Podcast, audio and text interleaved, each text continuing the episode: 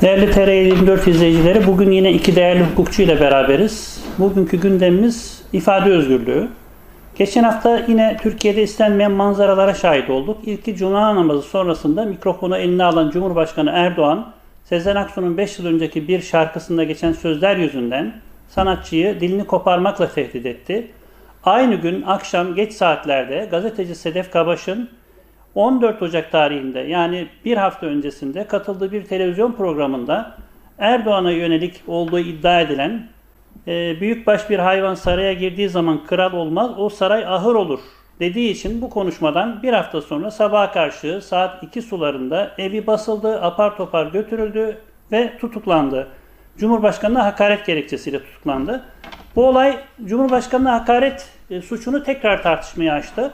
Ben sorularıma geçmeden önce bazı istatistikleri sizinle paylaşmak istiyorum.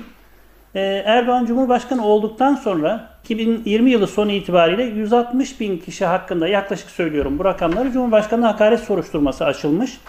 Son iki yılın istatistiklerine bakarsak bu sayıda 2020 dahil değil. Yaklaşık 10 bin civarında filan olduğunu tahmin ediyorum ilaveten. 38.500 kişi yargılanmış. Bunlardan 12.880'i mahkum olmuş. 11.913 kişi için de hükmün açıklanmasının geri bırakılması kararı verilmiş. Böyle bir suç var ortada ve önceki cumhurbaşkanlarında bu rakam e, yüzlerle ifade ediliyordu. Ancak Erdoğan'la birlikte patlama olmuş.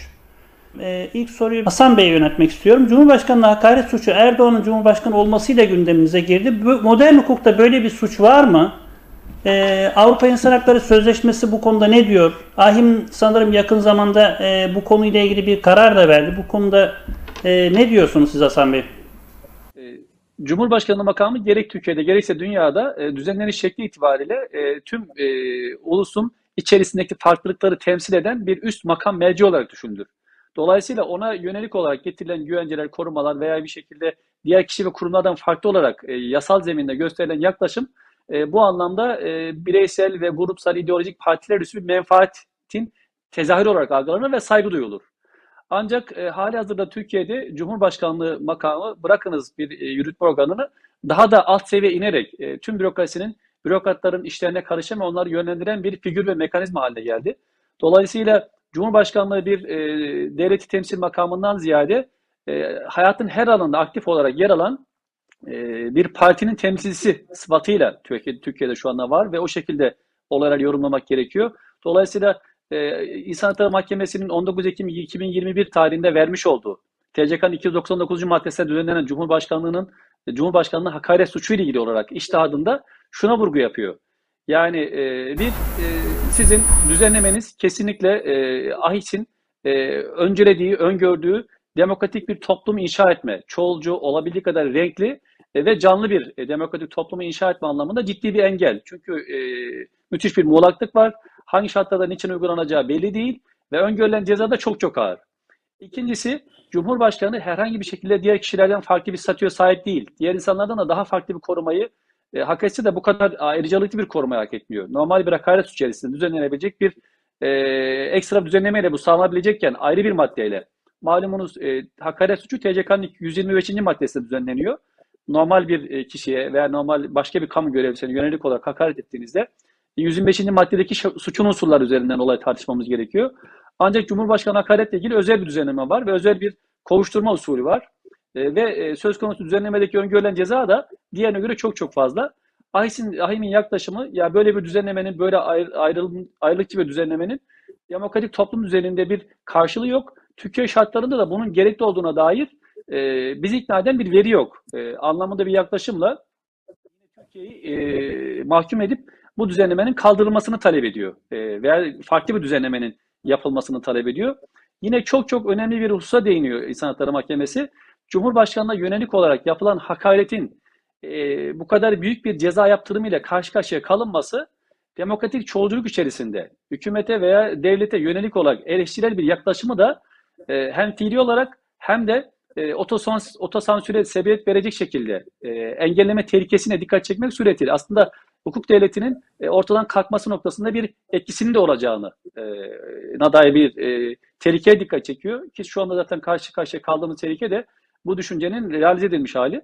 Yani bu şartlar altında baktığımızda her ne kadar değişik ülkelerde buna dair benzer, benzer düzenlemeler var olmakla birlikte e, Türkiye'deki uygulama, düzenlemenin muğlaklığı sonrasındaki e, gelişen e, iştihatlar diyelim Türkiye'deki yüksek mahkemelerin e, oluşturduğu iştihatlar çerçevesinde bakıldığında e, yani Türk demokrasisinin, hukuk devletinin önünde e, veya e, özgür düşüncenin e, önünde ciddi bir engel teşkil ediyor şu andaki mevcut düzenleme.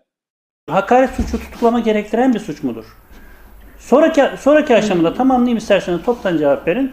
Sonraki aşamada Anayasa Mahkemesi'nin e, bu tür suçlara karşı tutumu ne? Yani e, Vedat Şorli kararı Avrupa İnsan Hakları Mahkemesi'nin önüne gittiğine göre demek ki e, Anayasa Mahkemesi ya kabul edilmezlik kararı vermiş. Yani genel tutumu ne Anayasa Mahkemesi'nin evet. bu konuda? Öncelikle e, TCK 299. maddedeki düzenlemeye baktığımızda şikayete tabi olan bir suç değil. Ancak her hakaret içeren eylemin de doğrudan dava önüne geçilmesini engellemek açısından bir mekanizma öngörülmüş. Denmiş ki e, böyle bir soruşturma başlatılabilir. ilgili emniyet birimlerinin ihbarıyla, herhangi bir vatandaşın ihbarıyla veya savcılığın reysen başlayacağı bir soruşturmayla bu soruşturmaya konu olabilir. Ancak dava aşamasını geçmeden önce Adalet Bakanlığı'nın izine tabi tutulmuş bu suçlamalar. Yani dolayısıyla aslında baktığınız zaman normal şartlar altında bu madde e, AHİS'in anayasamızın ilgili maddelerinin ruhuna uygun olarak işletilecek olsa yani başlatılan davaların %99'u muhtemelen dava aşamasına dönüşmeyecek. Bırakın tutuklama veya diğer tedbirleri. Çünkü e, buradaki maslahatı değerlendirecek olan e, siyasi değerlendirmeye tabi tutulmasını da aslında yasa koyucu öngörüyor. Çünkü e, Cumhurbaşkanı siyasi bir makam, söz konusu yapılan eleştiri, siyasi ve eleştirme olma ihtimalini çok büyük oranda e, taşıyor. E, dolayısıyla Türkiye uygulamasında bunu e, Adalet Bakanlığı'ndaki ilgili birimdeki e, hukukçular değerlendirsinler ve dava açıp açılmayacağına onlar karar versinler diye aslında savcının da bu noktadaki yetkisini sınırlayan bir e, uygulama pratik e, öngörülmüş. Hadi böyle bir düzenlemenin öngörülmüş olması bile tek başına baktığınızda mevcut iktidarı elinde tutan. Çünkü bu düzenlemeye göre hep şöyle düşünülmüş muhtemelen. Yani e, Adalet Bakanlığı ile e, Cumhurbaşkanlığı siyasi olarak farklı e, makamları, farklı partileri temsil edeceği için kendi aralarında da bir e, denge unsuru e, öngörüleceği e, düşünülmüş. Ancak şu anda tüm e, devlet iktidarının e, yetkilerini elinde, elinde bulunduran Cumhurbaşkanı olduğu düşünüldüğünde Adalet Bakanlığı tamamen bir kuklaya, Cumhurbaşkanlık, e, savcılıklar, kolluk görevlileri tamamen bir emir komuta zinciri içerisinde çalışan Cumhurbaşkanı'nın personeli konumuna indirgenmiş vaziyette. Dolayısıyla 299. maddede öngörülen o mekanizma sınırlayıcı, belki işte Türkiye şartlarında dahi olsa olabildiği kadar demokratik e, gelenekleri geliştirme, hukuk devletini tahkim etme anlamında vazife e, ve e, fonksiyonu ifade edecekken şu anda Cumhurbaşkanı'nın e, bir nevi e, şımarıklığını e, işte tatmin edeceği bir madde haline dönüşüp insanları baskılayacağı, fikir özgürlüğünü ortadan kaldıracağı, tüm muhalif toplum kesimini ciddi anlamda e, böyle baskı altına alıp e, susturmaya yönelik olarak kullanılan bir maddeye dönüşmüş vaziyette. Dolayısıyla e, baktığımızda demin sorduğunuz Anayasa Mahkemesi neden İnsan Hakları Mahkemesi'nden farklı düşünüyor? E, yani bunun da aslında cevabı birinci anlattığım kısımda geçiyor. Çünkü Anayasa Mahkemesi de şu anda irade olarak e, Cumhurbaşkanı'ndan farklı bir düşünme yetisini, özelliğini, özelliğini kaybederi çok çok oldu. Dolayısıyla oradan bir işaret almadan veya oraya zarar verecek, Cumhurbaşkanlığına zarar verecek e, veya onun yetkilerini veya toplum nezdindeki e, algısını negatif yönde etkileyecek bir yaklaşım sergilemesi mümkün değil. Dolayısıyla Anayasa Mahkemesi bu tür şeylerde doğrudan kişinin almış olduğu ceza miktarına e, yargılama aşamasında e, e, kendini adil şekilde savunup savunmadığını ve nihayetinde verilen cezanın infaz kabiliyetinin olup olmadığına bakıyor. Ya yani bu olayda da anladığım kadarıyla Vedat Şoyle hakkında verilen ceza e, ertelenmiş. Dolayısıyla bu e, Anayasa Mahkemesi aslında bir sorun olarak görünmüyor. Ama İnsan Hakları Mahkemesi demokratik toplum düzeninin gereklilikleri, hukuk devleti ilkeleri e, çerçevesinde olayı değerlendirdiği için böyle bir cezanın bir gün dahi olsa kanunda öngörülmüş olmasının düşünce özgürlüğü anlamında ciddi bir tehdit oluşturacağını öngörüp olayı biraz da e, o perspektiften değerlendiriyor. Ama şu andaki otoriter bir rejimin aparatı haline gelmiş majestelerinin mahkemesi pozisyondaki bir anayasa mahkemesinden böylesine geniş e, bir yorum beklemek zaten hayal olur diye düşünüyorum. O yüzden aslında temel farklılık e, ikisinin farklı zeminlerde oturuyor olması. Yani şu anda Anayasa Mahkememiz maalesef anayasanın dışında farklı ilkelerle çalıştığı için böyle bir yaklaşımı e, kabul etmesini beklemek zaten hayal olur. Ee, Adalet Bakanı'nın bu konudaki tutumuna ne diyor Nurullah Bey? Aslında şöyle bir bu, bu suçta Adalet Bakan mesela Sedef Kabaş'ın e, gözaltına alınmasında henüz Adalet Bakanı'nın onayı yok. Çünkü herhalde iddianameye dönüşme aşamasında e, ondan onay alınması gerekiyor. Ama Adalet Bakanı hemen Sedef Kabaş'ın gözaltına alınır alınmaz şunları söyledi. E, edepten nasipsiz, çirkin sözleri lanetliyorum. haset ve nefretten doğan bu hadsiz ve hukuksuz ifadeler milletin vicdanında ve adalet, adalet önünde hak ettiği karşılığı bulacaktır. Ee, aslında bu bir, bir, bir nevi yani bu bu soruşturmanın sonucunda e, kendisine geldiğinde izin vereceğini de ihsas etmiş oldu. Ee, ne diyorsun Nurullah Bey Adalet Bakanı'nın bu tutumuna? Normal konuşmalarında son derece hukuka saygılı bir insan gibi. Yani baksanız sanki Norveç Adalet Bakanı gibi konuşuyor. Ama yani uygulamaya gelince sanki durum farklı gibi biraz. E, şöyle aslında biz de bazen e, ister istemez hukukçular olduğumuz için oturup mevzuları hukuki olarak tartışıyoruz. Acaba ya, gerçekten yasadaki suçun unsurları oluşuyor mu oluşmuyor mu meselesi. E, onların bak, baktığı pencere muhtemelen daha farklı. Yani onlar meseleye şöyle bakıyorlar. Şu an iktidarın gündemi, e, iktidarın aslında uzun zamandır yapmaya çalıştığı ifade hürriyeti konusunda insanların konuşmasını engellemeye yönelik zaten bir stratejisi var yani. Yani insanlar konuşmasın, konuşanlar da benim istediğim şekliyle konuşsun. Bu net. Bununla ilgili mesela e, geçen gün herhalde birkaç gün önce İzzet Öz, Özgenç'in bir şey var, tweet'i var. Çok orijinal. İzzet Hoca diyor ki bir uçak seyahatinde e, Vakıflar Bankası'nın yönetim kurulu üyesi olan eski bir milletvekili Türkiye'deki hukuksuzluklarla ilgili benimle konuşurken uçağa başka bir milletvekili geldiği için konuşmasını kesti diyor. Yani ortada şu an hani sadece muhaliflerin konuşmasıyla ilgili bir sıkıntı yok. İktidar mensupları da iktidar aleyhine bir şey konuşamıyorlar. Yani öyle bir ortamla karşı karşıyayız. Ya bu e, planlı programlı yapılan bir şey. Yani insanlar konuşmasın. Yoksa biz bakıyoruz oturduğumuzda işte üç tane hukukçu bir araya geldiğimizde diyoruz ki ya bu söylenen sözlerden dolayı böyle bir dava açılmaz.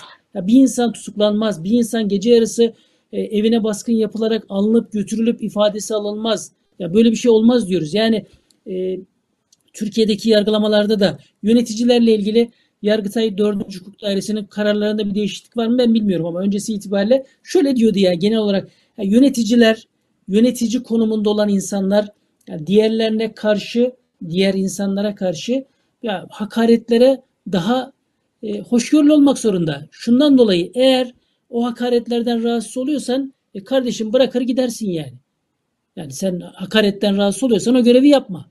O görevi yapıyorsan da ya sana yönelen hakaretlere de katlanacaksın diyor. Yani genel perspektif böyleydi. Ya buradaki mevzu ya işte katlanılır mı katlanılmaz mı bu lafa katlanılır mı? Katlanacaksın tabii. Niye katlanmayacaksın yani? Ben ya rakamlar sizin söylediğiniz rakamlar muhtemelen Adalet Bakanlığı'nın istatistikleri. Adalet Bakanlığı 2020 yılındaki rakamlar 40 bin yani 40 e, daha doğrusu pardon 30 e, ya 35 bin ya 37 bin civarında karar verilmiş. Yani aslında başka soru yani her karar verilmemiş dosyalar da olabilir. Yani 40 bin civarında dosya var. 40 bin civarında dosya ile ilgili ya şikayet dosyası var. 2012 yılına baktım sadece bir tane. Yani makuldür bir tane, iki tane, üç tane insan çıkararak hakaret edebilir yani. Hakaret ettiğinde dava açma, soruşturma açma meselesi bambaşka. O yüzden ya mevzu Adalet Bakanı mevzu değil, mevzu AKP iktidarının yürüttüğü strateji yani insanları konuşturmama üzerine e, ve konuşacaklarsa da kendi e, planı doğrultusunda, kendi perspektifi doğrultusunda konuşsun. Niye böyle istiyor? Ya çünkü muhalif e, ya yapabileceklerini böyle yapıyor. İstediği şeyi yapıyor. Yani şu an biz de bazen e, ona şey yapıyoruz ya ekonomik kriz var Türkiye'de. Ekonomik kriz konuşulmuyor. İktidar e, işte Sedef Kabaş'ı tutukladı onu konuşuyoruz. Değil aslında. İktidar zaten ya bu mesajı her seferinde vermeye çalışıyor. Diyor ki konuşan alırım. Sesini çıkartanın sesini keserim. Ee, biraz yani farklı bir şey söyleyenin dilini keserim diyor yani. Bunu da söylüyor, alenen söylüyor. Camide söylüyor yani.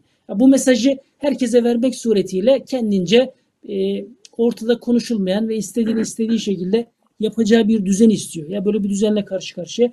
Bugünkü ben e, biraz haberlerden baktım.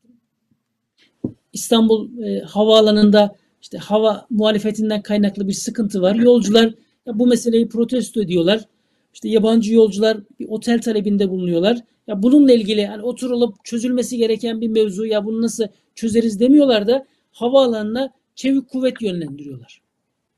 Yani mevzu ya konuşursan fa- farklı konuşursan bizim aleyhimize konuşursan çevik kuvveti göndeririz. Yani o yüzden Adalet Bakanı tabii ki buna evet der. Zaten kendi iradesini ortaya koymuş. Cumhurbaşkanına hakaret etmiş olabilir. Hakaret edilmiş. Hakaret edilmiş bir mevzuyu takip edin diyor. Ya bunu şimdi normalde yani normal insanlar biz oturup baktığımızda şöyle düşünürüz herhalde. Ya birisi yöneticisin, ülkenin işte cumhurbaşkanısın. Herkes yaptığın e, faaliyeti sevmeyebilir. Ya buna karşı birazcık hoşgörülü olursun. Biri de çıkar küfür eder. Ya önemli değil dersin diye düşünürüz biz. Ama öyle demiyor. Diyor ki bunu bütün AK Parti yönetimi, AKP yönetimi bunun takipçisi olsun diyor. Ya bize çok şey geliyor, absürt geliyor böyle bir şey olabilir mi diye. Ama o kendi belirlediği planı, o insanları e, ses çıkartmama, konuşamama bak Sedef Kabaş herkesin aslında desteklediği önde olan birisi.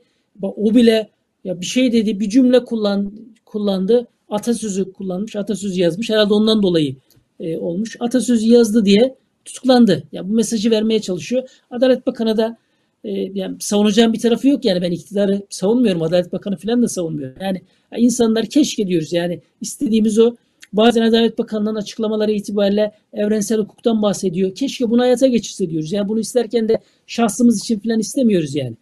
Kendi şahsımız için istemiyoruz. Ülkemiz için istiyoruz. Keşke olsa diyoruz. O noktada e, tabii ki Adalet Bakanı zaten burada açıklamasında ortaya koydu. Yani çok kötü bir şekilde de koydu. Ama bu şöyle diyorlar zaten. Yani burada ya çok e, uzatmamak uzatmak istemiyorum ama e, şunu ifade ediyorlar ya bak biz siz hukuk konuşuyorsunuz ya biz aslında uygulamayı böyle yaparız. Adalet Bakanlığı talimat verir. Savcı yani daha kaç aylık 3 aylık bir savcıymış herhalde. Savcı alır e, hiç şeyde başka bir ilde görev yapmayan doğrudan İstanbul'a gelmiş olan bir suç ceza hakimi de tutuklar. Yani bu aslında yani biraz şaşıranlar itibariyle biz bunun böyle işlediğini zaten biliyoruz, görüyoruz. Yani burada ortada hukuk falan işlemiyor yani. İktidarın kendine göre belirlediği planı doğrultusunda hareket eden bir yapı var. Evet ben aslında başka bir şey daha soracaktım. Onu nispeten cevaplamış oldunuz. Bu davaların açılmasında Erdoğan'ın onayı var mıdır yoksa avukatlarının işgüzarlığı mı bu diye? Hatırlıyorsunuz. Ama, Ee, ama evet. C- CHP'li bir milletvekili e, bir iddiada bulunmuştu. 38 bin dava açılmıştı. Bu davaların yaklaşık işte avukatlar 38 milyon civarında filan e, bir vekalet ücreti aldıklarını ki bir iki tane örnek üzerinden giderek bir tahminde bulunmuştu. Sanki biraz da avukatları e, bu konuda motive edici bir unsur olabilir. Yani bu tip e, davalarda vekalet ücreti yani az değil 38 bin dava açılmış. Ama şöyle olur yani sonuçta e, Cumhurbaşkanı ile ilgili bir işlem yapıyorsunuz. Bilgisi olmadan yapmak zor yani avukat olsa bile yani bir şikayette bulunacaksa bununla ilgili şikayette bulunuyorum. Herhalde der bir bilgilendirme yapar. Yani o e, yoksa kendi başına ya bütün veya şöyle demiştir baştan Cumhurbaşkanı avukatına demiştir ki benimle ilgili en ufak bir hakaretvari bir söz söyleyen olursa şikayetçi olun. Bir talimat vermiştir yani. O talimat olmaksızın avukat ya biz buradan işte şu kadar vekalet ücret alacağız bu işi yapalım demez diye düşünüyorum. Ben e, Hasan Bey'e bir soru sormak istiyorum. Sedef Kabaş'a tutuklama veren hakim Furkan Bilgehan Ertem gündeme geldi. 2018 yılında avukatlıktan hakimliğe geçiş yapmış. İlk görev yeri İstanbul 16. Ağır Ceza Mahkemesi üyeliği eğer bilgiler doğruysa. E, ve Bilgiler 2019'dan doğru. 2019'dan itibaren de 10. suç ceza hakimliğine getiriliyor. Kamuoyunda tabii şu tartışıldı çok. Ya, e, Bilgehan Ertem'in kıdemi yetmediği halde nasıl suç ceza hakimi olduğu, nasıl kritik kararları imza attığı tartışıldı. Ama ondan öncesinde ilk kura çektiğinde atandığı göre 16. Ağır Ceza Mahkemesi. Ağır Ceza Mahkemesi üyeliği için kıdem kriteri yok mu? Ya yeni hakim olmuş birisi doğrudan İstanbul'da kritik davaların görüldüğü mahkemede ki bunlardan bir tanesi de Kavala davasında Kavala'yı tutuklayan hakim olarak yanlış hatırlamıyorsam e, bu tip görevlerde kıdem şartı yok mu Hasan Bey? Ee, şimdi e, ya bu konu sosyal medyada tartışmaya başlayınca normalde ben de e, yani uzun yıllar yargı mensubu olarak görev yaptım ama tabii daha önceden e, böylesine yoğun bir ilk kuradan e, büyük il merkezlerine gitme durumu olmadığı için e, genel itibariyle sadece kıdemli olmak gerekir diye bilgim vardı. Daha sonra buna dair yönetmeliğe açıp baktım. Acaba burada düzenleme nedir diye. E, düzenlemede şöyle bir açıklık var. Bu açıklığı kullanıyorlar. Normal şartlar altında herhangi bir e, mesleğe yeni başlayacak olan kişi kura çekme anında eğer öncesinde e, bizim 5 tane bölge var. E, Hakimler Savcılar Yüksek Kurulu'nun e, iş sayısına e, e, ve bir şekilde coğrafi konumuna göre illeri, ilçeleri, adliye merkezlerini kategorize ettiği. Dolayısıyla 5. E, merkez, 5. E, derece yer en az tecrübeli demeyelim de en az işi de işlerin yoğun olduğu, insanların belki o anlamda çok ciddi anlamda bir işe maruz kalarak e, hata yapma e, oranının çok az olduğu yerler. İstanbul gibi birinci bölge olan yerler de daha çok işlerin yoğun olduğu ve tecrübeyi gerektiren yerler olarak hani bir e, genel itibariyle söylenebilir. Ama yönetmelikte şöyle bir şey var. Eğer herhangi bir şekilde kura çekme yöntemiyle yani adaylık sonrasında, staj sonrasında göreve başlayacak olan hakim savcılar 5. 3. veya 4. bölgeye gittiğinde birinci bölgeye gelmelerine dair düzenleme var. Dolayısıyla bu çok e, ciddi anlamda e, tecrübe olmaya gerektiren bir süreci öngörmüş. Ancak kura çekme yöntemiyle birinci bölgeye atanmasına da doğrudan bir olanak tanınmış. Yani diyor ki normal şartlar altında birinci bölgeye gelmek için örnek veriyorum 5 yıllık bir e, kıdem şartı aramasına rağmen eğer kişi kura çekme yöntemiyle böyle bir şans elde etmişse en az 3 yıl orada görev yapar diyor. Durumlarda da tabii kendi takdir hakkını sınırlı koymuş. Dolayısıyla yönetmelikteki böyle bir boşluktan faydalanıyorlar. Yani büyük il merkezlerine gitmenin e, te- tecrübesi olarak görev yapmanın istisnai yolu e, kura çekme çe- kura sonrasında ad çekme yöntemiyle gidilmesi. Tabii normalde böyle bir düzenlemenin getirilmesi amaç da e, ben kurulda çalışırken hani bu çok konuşulup tartışılıyordu. Yani tecrübesiz hakimleri küçük bir yere gönderdiğimizde dava sayısı az. Dolayısıyla tecrübe, mesleki tecrübelerini aktaracak, artıracakları bir e, ortam yok. Yine e, mesleki olarak tecrübeli e, mesleki büyükler olmadığı için e, danışarak veya bir şekilde karşılıklı fikir alışverişinde bulunarak kendilerine yetiştirme imkanı yok. O yüzden biz olabildiği kadar işlerin yoğun olduğu yerleri de e, kişileri kura çekmek, e, kura sonrasında gönderelim anlamında bir e, ihtiyaçtan kaynaklanan böyle bir uygulama meydana gelmişti. Ancak 2015 sonrası kura çekmelerine baktığımızda bu çok HSK'nın sitesinde yayınlanan kura kararnamelerine bakıl, bakılabilir. Çok büyük oranda Ankara, İstanbul, İzmir gibi yani e, nüfusun ve davaların ve bir şekilde ekonominin e, veya siyasi e, olarak etkilenecek olan kişilerin yoğun olarak bulunduğu yerler e, bu yerler ve buralara e, daha hemen staj sonrasında atanan çok yoğun bir hakim savcı olduğunu görüyoruz. Dolayısıyla yönetmelikteki bu açı, açığı kullanıyorlar. Yönetmelikte böyle bir şey var. Yani bu açığı kullanıyorlar. Ve dolayısıyla baktığımızda herhangi bir arıza mahkemesinde baştan kıdemli, diyelim işte 5 yıllık 10 yıllık bir tecrübeye sahip. Ancak diğer iki tane üyesi yeni kura çekmiş. Oy birliğiyle veya oy çokluğuyla karar vermesi gereken bir arıza mahkemesi iki tane e, yani siyasi motivasyonla veya tecrübesizden kaynaklı olarak e, var olan iki tane hakim kararın ne yönde çıkacağını da belirleyebiliyor. Veya başkan kıdemli olan kişi kendi ideolojisi ve yaklaşımı doğrultusunda diğer e, iki üyeyi etkileyerek farklı karar çıkmasına da vesile olabiliyor. İktidar 15 Temmuz sonrasında özellikle bunu e, kanıta kanıta kullandı. Bu e, atama ve bu tecrübesizliği hakim savcıların e, bir şekilde motivasyonunu negatif yönde kullandı. Dolayısıyla mevzuttaki bir açıklığı kullanıyorlar. E, yani e, bu ne kadar doğru ne kadar yanlış bu ayrıca tartışması gereken bir konu. Bu önceden de var olan bir düzenlemeydi. Yani yeni getirilen düzenleme değil ama bu kadar çok fazla kullanılmıyordu. Veya kullanırken de daha hassas davranıyordu diyelim yetkilendirmeler sırasında. Dolayısıyla bir arıza mahkemesine kıdemsiz bir üye verilecekse veya işte daha farklı mahkemeye diğer iki tanesinin kıdemli olmasına dikkat edilip diğerini belki o noktada e, daha pasif konumda tutmaya çalışılıyordu ama şimdi tam tersi. Yani bu dediğinize göre kitapta yeri var bir şekilde ama o açıklıktan faydalanarak Var. evet. Ama Ee, asıl aslında burada sorulması gere- gere- gereken sorusu. Yani soru şu dediğimiz e, hakim figürü nasıl oluştu? Neden orada? Yani e, bugün hakim Bilgihan Ertem e, dediğimiz kişi e, neden bu tür kararlar veriyor? Veya neden hani tamamen sarayın kontrolünde onun etkisinde bir yargı sistemi var? Aslında tam soruyu burada buradan sormak lazım. Aslında bizim ıskaladığımız şeylerden bir tanesi şu ki ben bunu 15 e, yıl boyunca yargıda görev yaparken fi, e, fiilen yaşadığım bir, bir durum. Şimdi bir normalde dışarıdaki e, sokaktaki insanın bir yargı hukuka bakış açısı var. Bir de adliye içerisindeki o duvarlarla çevrilmiş, surlarla çevrilmiş, cübbesinin içerisine gizlenmiş ve müthiş yetkilerle donatılmış hakim savcıların bakış açısıyla bir e, hukuk algısı var. E, hakim savcıları etkilemek çok çok basit. Yani bir şekilde gerek eğitim süreci içerisinde, gerek stajda, gerekse e, yargıtayın iştahatları doğrultusunda şekillenen bir zihinden bahsediyoruz. Bugün genç olarak mesleğe başlayan insanları biz belki e, eksik değerlendirdiğimizi düşünüyorum. Bunların hepsi 25 yaşında, diyelim maksimum 25-30 aralığında, 20-30 aralığındaki hakim savcılar, yeni görev başlayan arasında konuşuyorum. Geri dönüp baktığımızda e, bugün 2002'den beri iktidarda olan e, 20 yıllık bir AKP iktidarı var. Bunun yaklaşık bir 10 yıllık sürecinde tüm dünyanın kahramanlaştırdığı bir Tayyip Erdo- Erdoğan figürü var. Bu kahramanlaştırma toplum nezdinde e, %50 50 50 etki uyandırıyorsa milliyetçi muhafazakar kesimde bu etki %60-70'e çıkıyordur. Onların gözünde daha büyük bir kahraman. 2013 sonrasında hırsızlığa yolsuzluğa bulaşmış e, bir mağdur Erdoğan figürü var.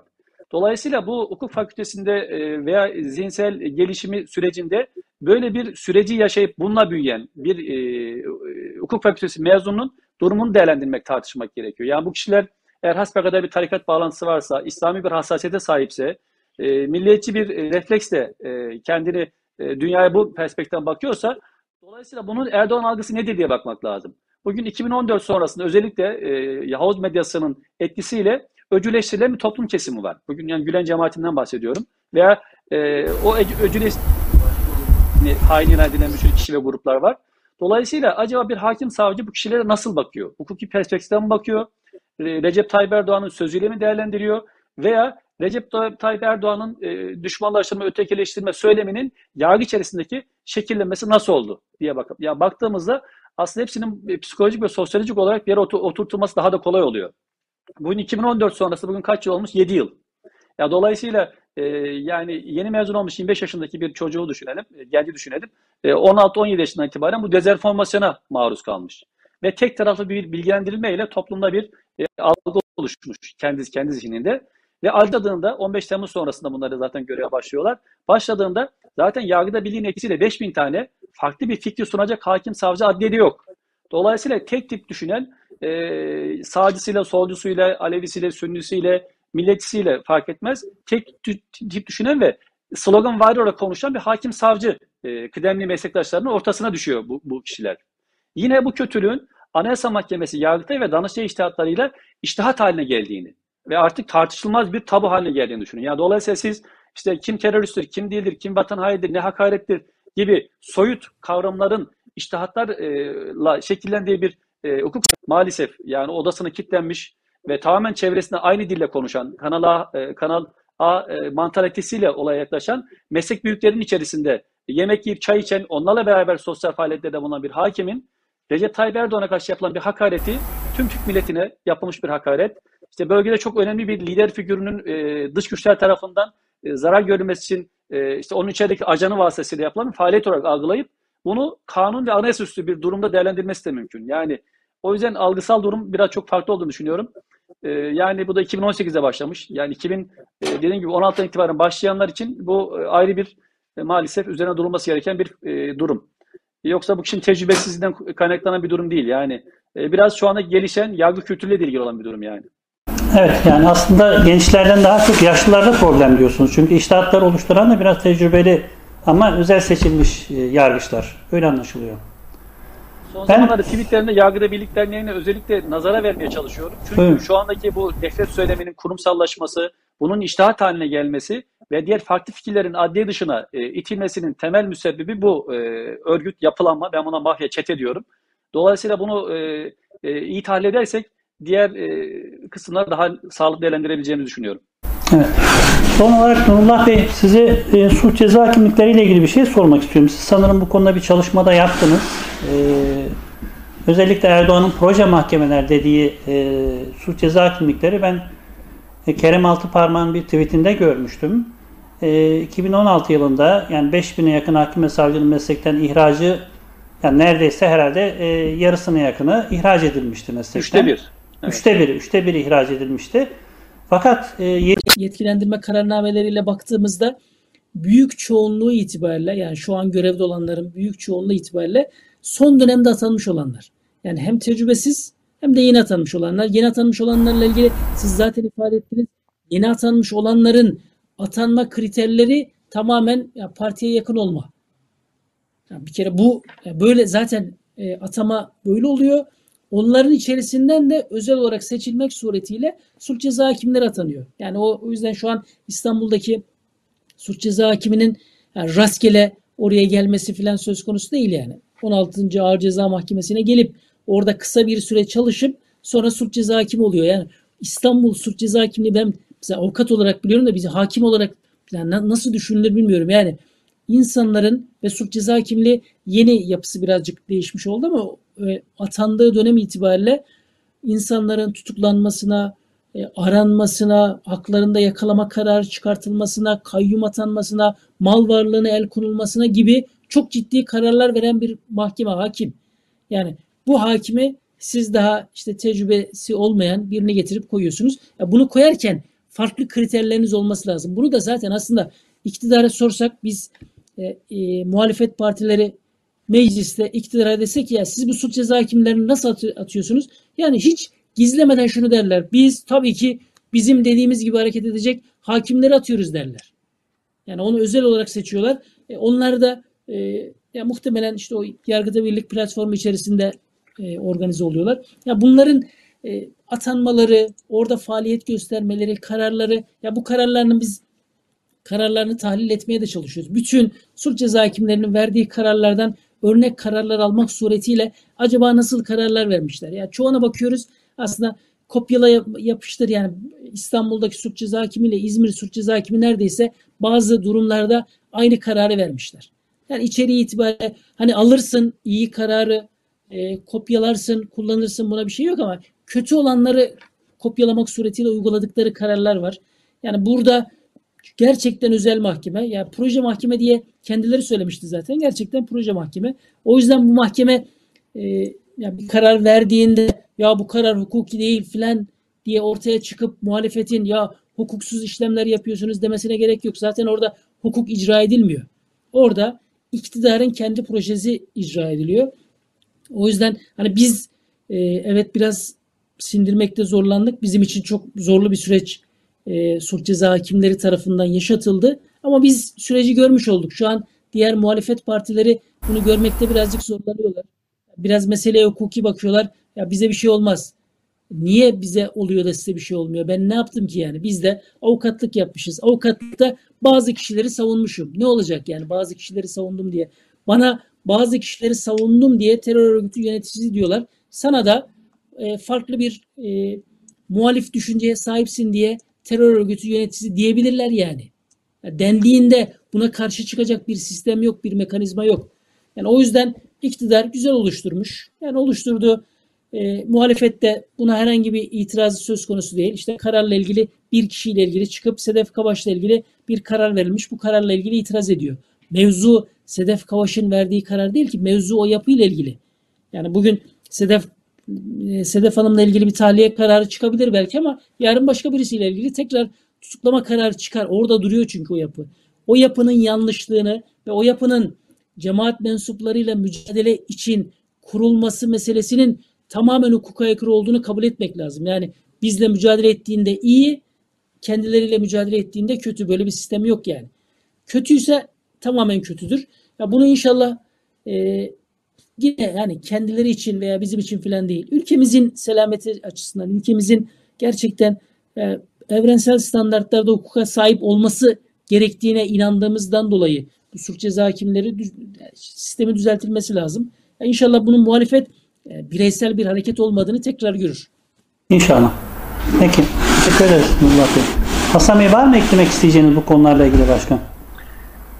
Yani çok teşekkür ederim. Sadece hani Nurullah Bey dediklerine ek olarak şunu söyleyeyim. Yani herhangi bir e, suç ceza hakimi eğer anayasaya, yasalara, insan hakları mahkemesinin açık, açık iştahatlarına rağmen bir e, karar veriyorsa Osman Kavallı'nın tutukluluğunun devamında ve Sedat Kabaş gibi e, kişinin tutuklama kararında olabilir. Bak şu net.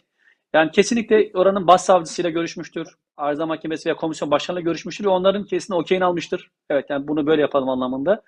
HSYK'nın bu işte herhangi bir şeyde kendi hakkında soruşturma başlatmayacağına dair %100 emindir. Ve veya herhangi bir medyada başka bir yerde bir soruşturma veya bir e, müdahale olduğunda bunu da savunacağını bilir. Yani dolayısıyla böyle bir güvenle yani ben hep burada bir çete bir e, hiyerarşik bir çetenin yaptığı bir hukuksuzluk eylemi olarak değerlendiriyorum ben bunu. Çünkü bu kadar açık bir e, ya anayasa aykırılığın işlenmesini cehaletle bilmemezlikle yanlış e, yorumla tevil etmek mümkün değil. Burada açıkça anayasaya karşı bir başkaldırı var ve bu başkaldırı yaparken de bunu tek başına yapılmıyor. Bugün hiyerarşik olarak yargının tüm birimleri bundan sorumlu. Anayasa Mahkemesi'nden HSYK'sına oradan e, suç hakimine kadar. Dolayısıyla bunu o şekilde değerlendirirsek daha anlamlı hale geliyor. Yoksa diğer türlü baktığımızda İstanbul 10. Suç Ceza Hakimi'nin tek başına şahsi olarak yaptığı bir değerlendirme olarak bu olaya bakmak aslında büyük e, e, suç örgütünü gözden kaçırmak gibi geliyor diye düşünüyorum. Peki değerli izleyicilerimiz, önümüzdeki programlarda görüşmek dileğiyle. Hoşçakalın.